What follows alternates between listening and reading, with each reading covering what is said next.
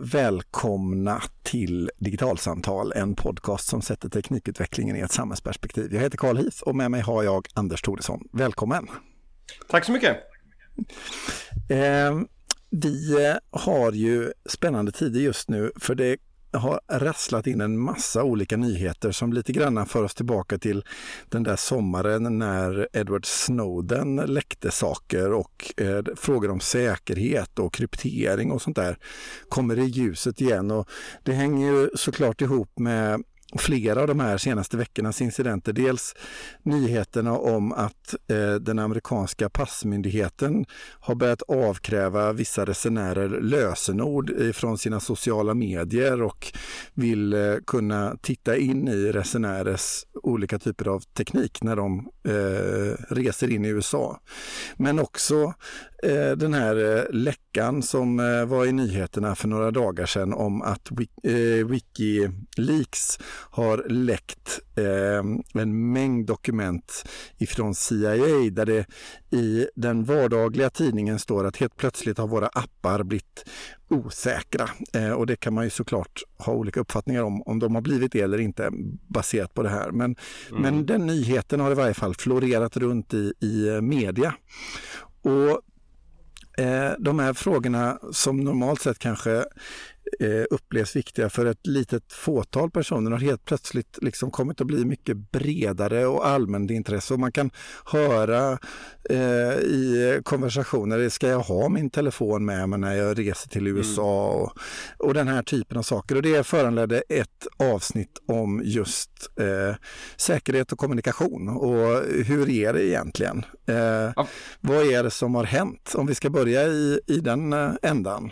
Anders? Vad... Ja, för, för, för, jag upplever, bara för att kroka i lite till det, det du säger, när, när Edward Snowdens läckor började komma så, så, var min uppfattning om att då kom de här frågorna om, om kryptering, personlig integritet och så vidare, det, det kom upp på dagordningen, men ganska mycket fördes diskussion då ur ett principiellt plan. Att vad kan vi förvänta oss att en myndighet ska göra, inte ska göra, vad ska vi tillåta dem att de får göra och inte får göra.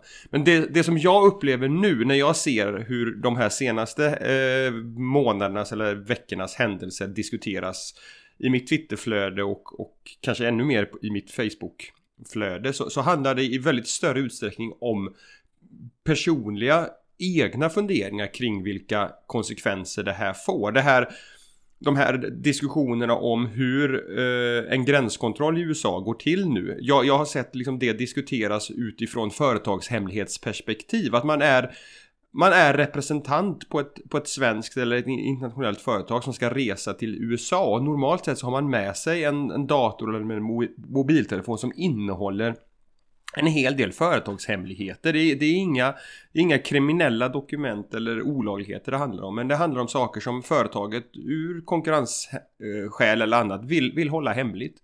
Och där man då för en, en diskussion och ett, ett, resonemang kring vad får det här för konsekvenser för oss? Hur ska vi passera in och ut ur USA utan att riskera att de här sakerna ska, ska hamnar på avvägar. Och ett, ett, ett väldigt konkret exempel på det är ju den här NASA-tekniken som, som eh, jag tror att vi har pratat om tidigare. Vi kan, kan länka jo, till, till artiklar. Ja. Eh, där, där, där det liksom då till och med är en anställd på en amerikansk myndighet som avkrävs de här eh, lösenorden till prylar där han säger att här finns konfidentiell information som ingen annan ska ta del utav. Så att jag, jag, upplever att det har blivit en mycket mer eh, personlig eh, diskussion den här gången. Och någonstans så eh, vet vi ju, eh, alltså om backar vi till Snowden-läckorna eh, den sommaren så, och vad som kom upp i kölvattnet av det så vet vi ju att eh, nationalstater, USA med flera, ägnar sig åt att eh, försöka ta reda på hemlig information hos mm. resenärer. Ja, det är ju inte nytt i sig egentligen inte, nej precis, det är inget nytt i sig, men däremot det som är nytt eh, just vad gäller i, i fallet med Muslimband, det är ju att det är passmyndigheten som på liksom mer rutin och explicit gör det, inte att det här sker liksom lite hemlighetsfullt bakom en stängd dörr. Eh, och det är väl den här eh, liksom lite öppnare eh, attityden till att vi minsann har rätt att hämta den här informationen mm. som också har liksom skapat eh, ett vidare intresse för frågan någonstans. Men ja, och liksom... också där det blir helt uppenbart att det är inte bara liksom det, det, spioner och andra som Nej, men berörs precis. av det här. Men, men, om man då landar i det där då, men vem, vilka är det som berörs av, eh, alltså vem, vem kan tänkas ha hemlig information? Vem skulle liksom beröras av den här typen av eh, förändrade eh, sätt att eh, möta folk på vid en gräns? Ja, det är väl alla som sitter på information som någon annan skulle vara intresserad av att ta del av i, i en eller annan anledning. Och, och det, alltså politiker, vi har anställda vid myndigheter, vi har olika typer av experter, journalister som är själv, eh, personal som har, har vid, vi, olika myndigheter som har säkerhetsklassade arbetsuppgifter, företag har vi varit inne på med, med olika typer av hemligheter, kanske patentansökningar med, med idéer och så vidare. Så det, det är en väldigt bred Eh, alltså det, det, här resonemanget som, som finns att men jag har ingenting att, att dölja och allt ser inget, inget problem. Alltså, det, återigen så tycker jag att det blir uppenbart att det går inte att, att vara så kategorisk i de här resonemangen därför att fler utav oss har saker och ting att dölja än vad vi faktiskt hade, hade tänkt på. Och vi var ju inne på det i tidigare avsnitt också det här att att klimatdata från amerikanska forsknings, forskare och myndigheter har ju plötsligt blivit blivit information som det, som det sker en, en kamp om. Och att det går inte på förhand att veta faktiskt vad är saker och ting som är hemligt, känsligt, som jag inte vill att andra ska ta del utav att jag, jag befattar mig med. Och vad är faktiskt helt ofarlig information som aldrig kommer kunna användas mot mig på ett sätt som jag inte vill. Det, det finns inga enkla svar på den frågan. Och man ska väl säga här att nu är ju USA i ljuset just på grund av alla de här incidenterna som sker eh, just denna vår. Men liksom praktiken att eh, inhämta information ifrån eh, personers olika typer av eh, teknik. Det är ju inte någonting som amerikanska myndigheter är ensamma om att ägna sig åt utan det här är ju någonting som många nationalstaters eh, olika typer av säkerhetstjänster ägnar sig åt.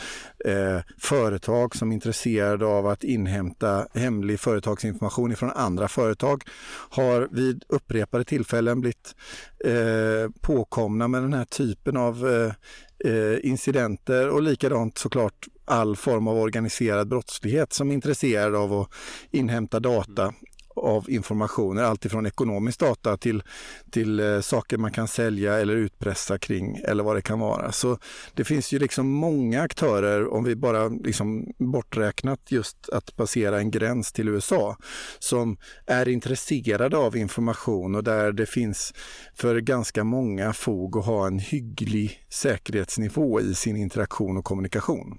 Absolut, och innan vi kommer in på hur, hur man kan göra för att, för att nå den här hyggliga nivån på, på, på säkerheten så, så skulle jag vilja ta upp ett, ett litet stickspår kring just det här att, att passera en gräns. Därför att i kölvattnet efter de här eh, nyheterna om hur USA börjar agera så har man också sett hur det har börjat dyka upp en hel del liksom, resenärsråd. Gör så här så, så kommer inte eh, din, dina uppgifter hamna hos, hos de amerikanska eh, myndighetspersonerna när du passerar gränsen.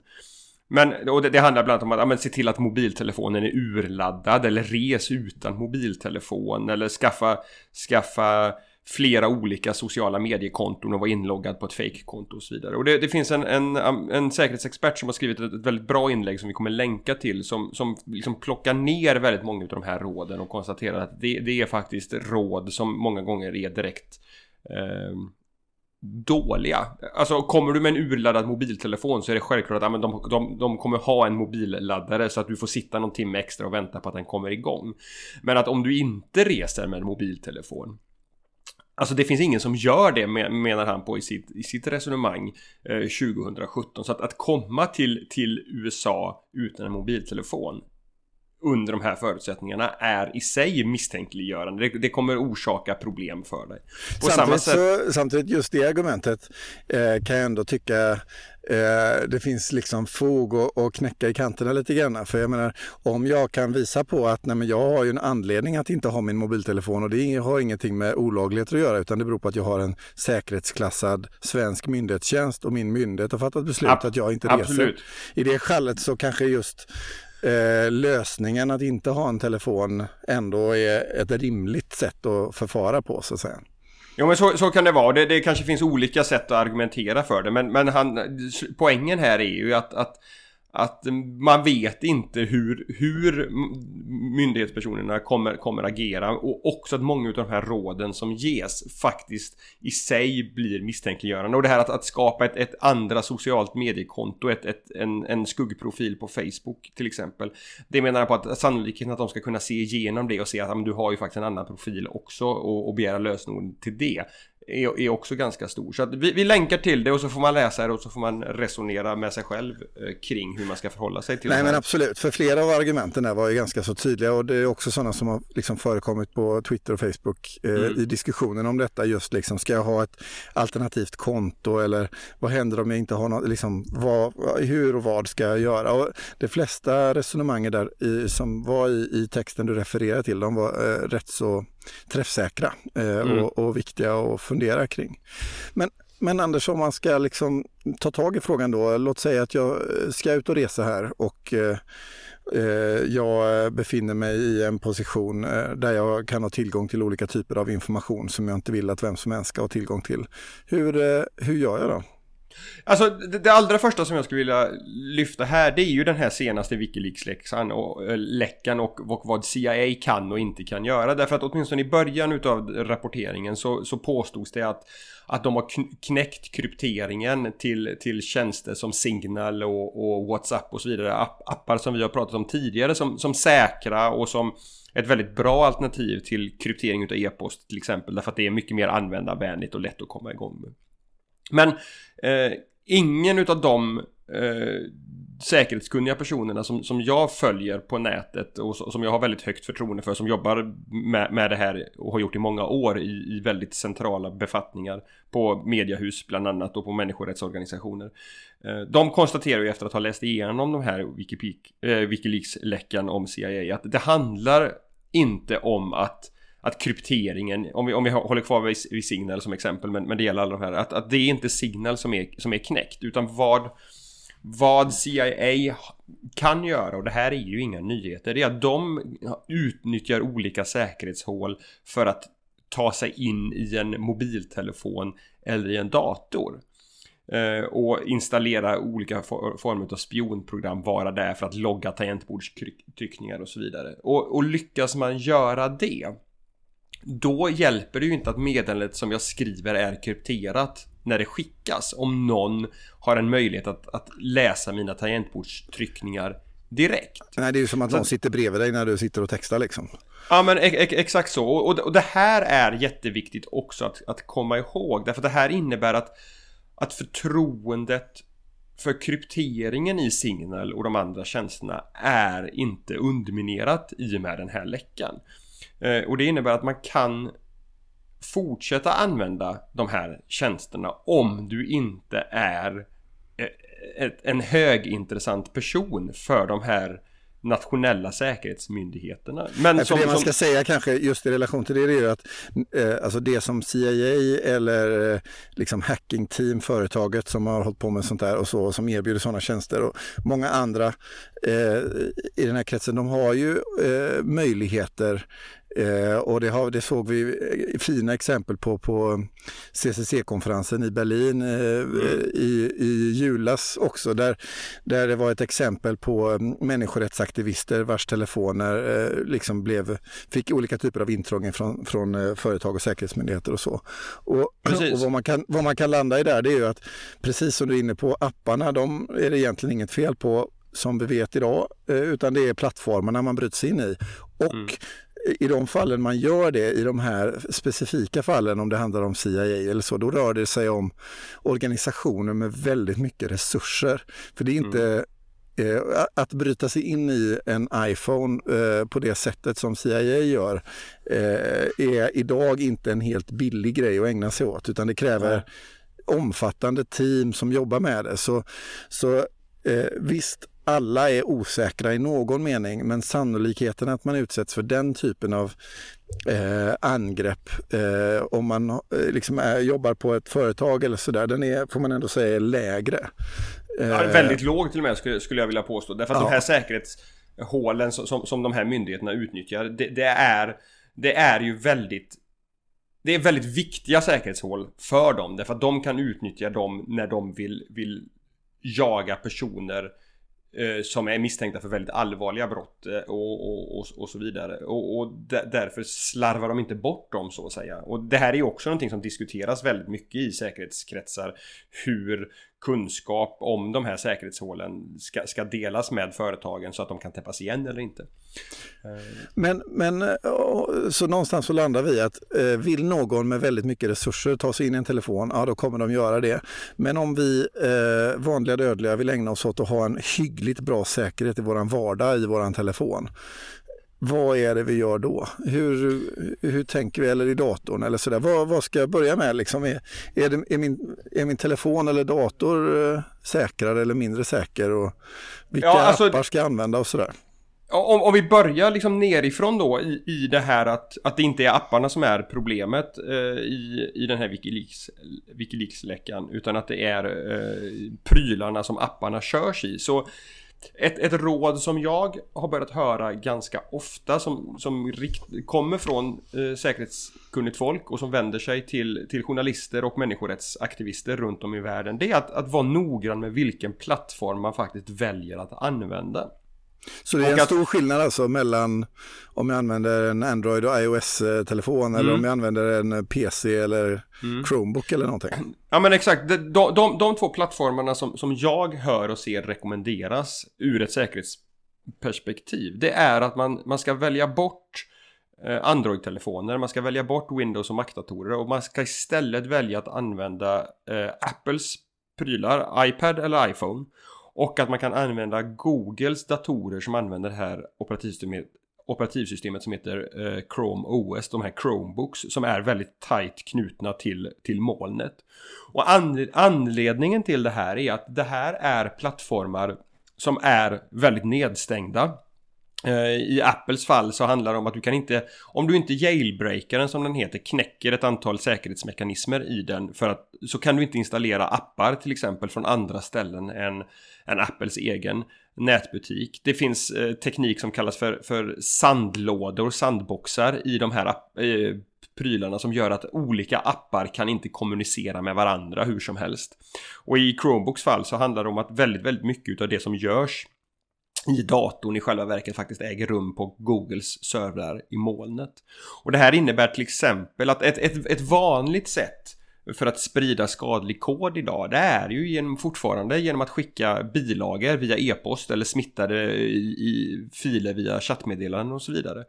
Och öppnar du de här på en, på en dator i, i Word eller Acrobat uh, Reader som är vanligt förekommande liksom attackvektorer in i en, i en dator så är risken stor att du faktiskt smittas utav det här. Men om du öppnar samma dokument i, på Google Drive eller i, eh, i din iPhone eller iPad så finns det inte någonstans där de här apparna kan, kan smitta.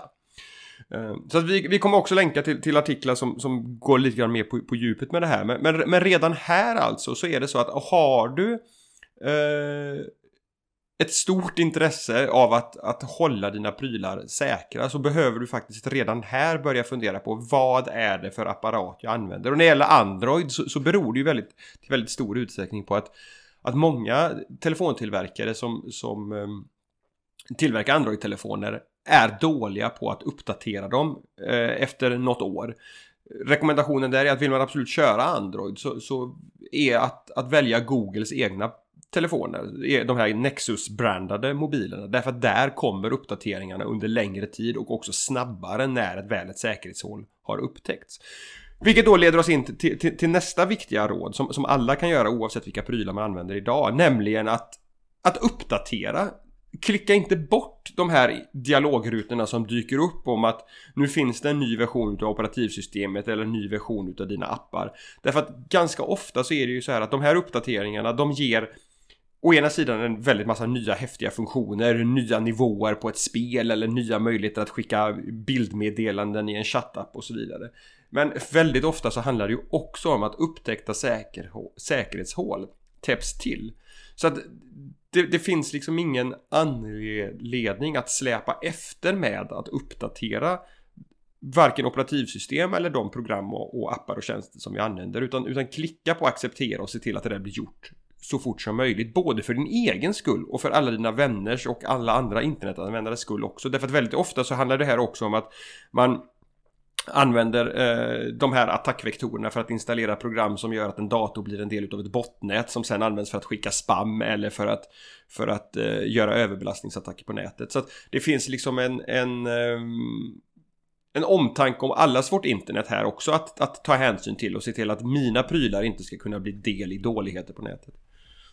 Eh, en annan sak som ju eh, liksom har förändrats över tid är ju att liksom för 7, 8, 10 år sedan då skulle man alltid se till att ha sitt virusprogram på sin mm. PC. Mm. Eh, men vad, hade man en Apple-dator då liksom var man så här safe även om man inte hade det för att Apple var så coola på att lösa det där och det var ett mindre ekosystem och vad det nu var för anledningar. Men, men idag så ser det väl lite annorlunda ut på det där med dator, datorer och virusskydd va? Ja, alltså en, dels är det ju så att Dels är det ju så att många utav tillverkarna idag, eller, eller många, men, men Microsoft bland annat har, har ju har ju ett egna du behöver inte skaffa nödvändigtvis äh, säkerhetsprogram från, från en tredjepartsleverantör. Utan, utan det finns åtminstone grundläggande antivirusfunktioner och brandväggsfunktioner och så inbyggda i operativsystemet från början. Så se till att aktivera dem. Nej, och sen eh, diskussionen om, om, om, om skadlig programvara till Mac eller inte. Där är det ju... Det, det har ju kommit några mindre liksom exempel på att, att det går att skapa den typen av program för, för Mac också. Även om det inte har liksom varit de här stora utbrotten som vi har sett i Windows-världen. Eh, en annan sak som man ska tänka på, eh, och det gäller ju både mobiltelefoner och datorer och sånt där, det är ju att faktiskt ha på sina lösenord. Mm. Att inte ha att man bara automatiskt kommer in i de maskinerna. Ja, och, och det, det handlar ju om, om två olika aspekter här. Dels att, att om du vilket du gör förr eller senare, höll jag på att säga, glömmer din mobiltelefon eller tappar bort din mobiltelefon så ska det inte vara en, en öppen väg in i alla dina sociala nätverk och i din inkorg och i din adressbok och så vidare. Utan där ska det finnas en pinkod eller, eller någonting annat, ett fingeravtryck eh, som, som sätter stopp för den som faktiskt hittar, hittar den. Men sen också den här, den här ständigt pågående diskussionen om att se till att ha bra lösenord på nätet. Men vad är ett bra lösenord idag Anders? Hur ser ett mm. bra lösenord ut? Där har ju också råden svängt om lite grann därför att eh, back, backar man ett par år i tiden så, så var det fortfarande råd som handlade om eh, stora och små bokstäver, siffror, specialtecken och så vidare vilket i slutändan gjorde att de här lösenorden blev ganska svåra att komma ihåg. Och därför pratar man allt oftare om lösenfraser istället för lösenord idag. Och det handlar helt enkelt om att, att ta en tre, fyra ord som betyder någonting för dig, som kommer vara lätt för dig att komma ihåg.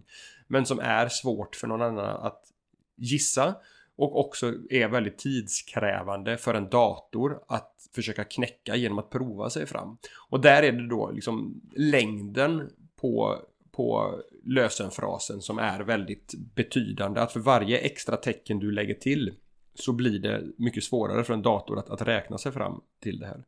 Men det, men det är ju bara den ena delen av lösenorden att, att de ska vara konstruerade på ett sätt så att de är eh, svåra att, att gissa eller knäcka. Det andra är ju att, att inte återanvända lösenord så att man har samma lösenord på många ställen. Uh, och, och, där är det ju lösenordshanterare som vi också varit inne på i, i tidigare avsnitt Det rådet som, som finns Jag använder den som heter One Password till exempel Som, som gör det möjligt att att skapa de här bra lösenorden eh, till alla tjänster men att inte samma lösenord används överallt. Vilket vi har sett har varit ett problem då när lösenord från ett ställe har läckt och sen har man använt det lösenordet för att logga in på andra ställen. Eh, så det, det, är liksom också ett väldigt så här lågt hängande frukt faktiskt som gör väldigt mycket för att, för att stärka upp sitt, sitt integritetsskydd när man använder internet. Tvåfaktorautentisering är något vi har pratat om innan flera mm. gånger. Mm. Och eh, det har ju i någon mening blivit lättare än någonsin nu att slå på det på sina vanliga tjänster som sin liksom Google-miljö eller om sin Facebook-konto. Och väldigt många tjänster idag erbjuder tvåfaktorautentisering där man helt enkelt, om du loggar in på en ny enhet så behöver du fylla i en kod som du får eh, som ett sms på din mobiltelefon eller om du använder någon särskild app för att lösa det. Så att du så att säga, uppger två olika informationskällor och gör det mycket, mycket svårare för någon att komma in i de här systemen. Eh, men det har, vi, det har vi avhandlat flera gånger tidigare. Eh, men en sak som ju, eh, och som vi också har diskuterat men som liksom blir angelägen i ljuset av detta som vi eh, pratade om nu, det är att eh, en gång i tiden så ansåg man att liksom säker kommunikation det var e-post och att man sen hade någon form av krypteringstjänst kopplat till sin e-post. Ja. Mm. Men eh, med det här konstaterandet att eh, våra mobiltelefoner inte sällan är säkrare miljöer för kommunikation och också den plattform som vi normalt sett väljer för kommunikation så har vissa appar kommit att få en mycket mer framträdande roll och visat sig vara liksom det första alternativet eh, om man eh, ska välja att kommunicera eh, mera säkert. Och vi har varit inne på det innan men, men eh, det finns ju en, ett, ett, några olika alternativ där att eh, titta på. Där, där, Signal är väl det som egentligen eh, har, har, fått stort genombrott. Men också WhatsApp eh, är, är, ju värt att nämna därför att där är det ju faktiskt så att, att WhatsApp har slagit på samma starka kryptering som, som används i Signal hos sig också. Vilket innebär att en väldigt, väldigt stor andel utav världens internetanvändare idag faktiskt krypt, eh, kommunicerar krypterat med varandra utan att egentligen ha, re, reflektera om det. Och här, här, kan det vara värt att nämna eh, ifall några lyssnare har läst om det tidigare i vintras där, där eh, brittiska The Guardian skrev en artikel eh, som gick att läsa som att det fanns stora säkerhetsproblem med WhatsApp vilket fick återigen väldigt, väldigt många av de här personerna som kan säkerhet och hjälper journalister och, och människorättsaktivister med att kommunicera säkert, att, att gå i taket därför att WhatsApp hade inte de här svagheterna som det påstods. Och där man då var rädd för att att eh, en, när en stor ansedd tidning som The Guardian skriver så gravt felaktigt om säkerheten i en tjänst att, att det då skulle driva folk, inte till Signal som är lite bökigare att jobba, an, använda, utan snarare till att använda sms eller e-post igen, vilket är fruktansvärt mycket sämre ur säkerhetshänseende än vad WhatsApp eh, är i, i, i nuläget.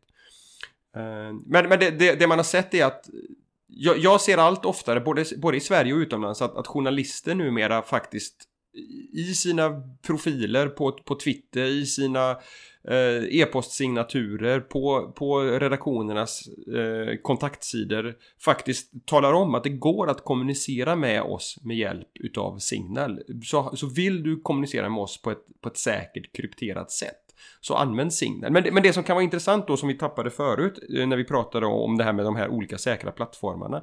Det är ju att eh, Signal och, och Wire och WhatsApp, alla de här apparna går också att installera som program i, eh, i datorn.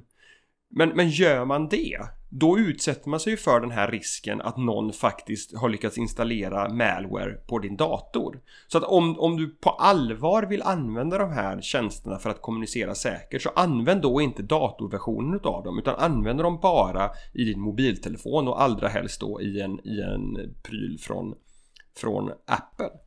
Och här kan man väl säga att eh, det stämmer lite till eftertanke när man pratar om säker kommunikation i många olika sammanhang där man normalt sett i kanske en företagspolicy eller organisationspolicy och sådär eh, har en, en ganska så traditionell syn på hur kommunikation ska gå till och man lever i en föreställning om vad som är säkert där man ska liksom uppdatera lösenord varannan vecka och, och, och ja. Eh, ägna sig åt sin kommunikation i e-post och vad det nu är för någonting. Och att här har liksom spelplanen rört på sig men många av våra organisationer och deras egna säkerhetsorganisationer inte självklart har tagit ett sådant kliv. Nej, eh, men så är det ju. En annan sak innan vi rundar av här som är värt att tänka på det är det här med bifogade filer. För det är ju ofta så att eh, för den som vill komma åt information från en så är att klicka på den där bifogade filen i mejlet eh, en av de absolut vanligaste misstagen som görs. Mm. Eh, och att om det är så att man vill öppna en fil som man inte vet avsändaren ifrån och som verkar lite konstig.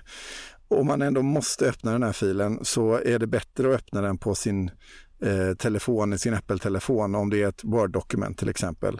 Än vad ja, det är eller, eller, i, eller i Google Drive. Eller Google Drive, ja precis. Ladda in det i Google Drive och titta på det där. Än att öppna det i, i, eh, i Word till exempel eller en, en Adobe-fil. men, men det som är värt att poängtera där också att det räcker ju inte att du öppnar det där och tycker att allting ser rätt ut och sen öppnar du din dator. För att den här skadliga koden den, den syns ju inte, den finns ju bakom kulisserna. Utan öppna den då på Google Drive eller i din mobiltelefon och, och behöver du sen använda texten i din dator så, så kopiera texten från dokumentet och klistra in det i ett mail eller ett annat dokument som du skickar eller sparar till dig själv. Så att du bara ser till att, att du kopierar med innehållet och gör det som ren text så att inte några av de här makrorna som är den skadliga koden följer med. Eh, och sen kan du möjligen då använda det i din dator som, som du hade tänkt från början. Men, men använd helt enkelt eh, de här andra alternativen med, med molnet eller iOS-prylarna som ett, som ett skyddsnät för att, för att eh, filtrera bort den skadliga koden som eventuellt finns inbakad i de här Word-dokumenten eller Excel-dokumenten som du inte, men som du inte ser utan som bara kommer slå till bakom kulisserna om du öppnar dem i din dator. Och som man också kan säga avslutningsvis här det är ju att alla de här eh, tipsen och råden som vi ger nu, de är ju också tidsföränderliga.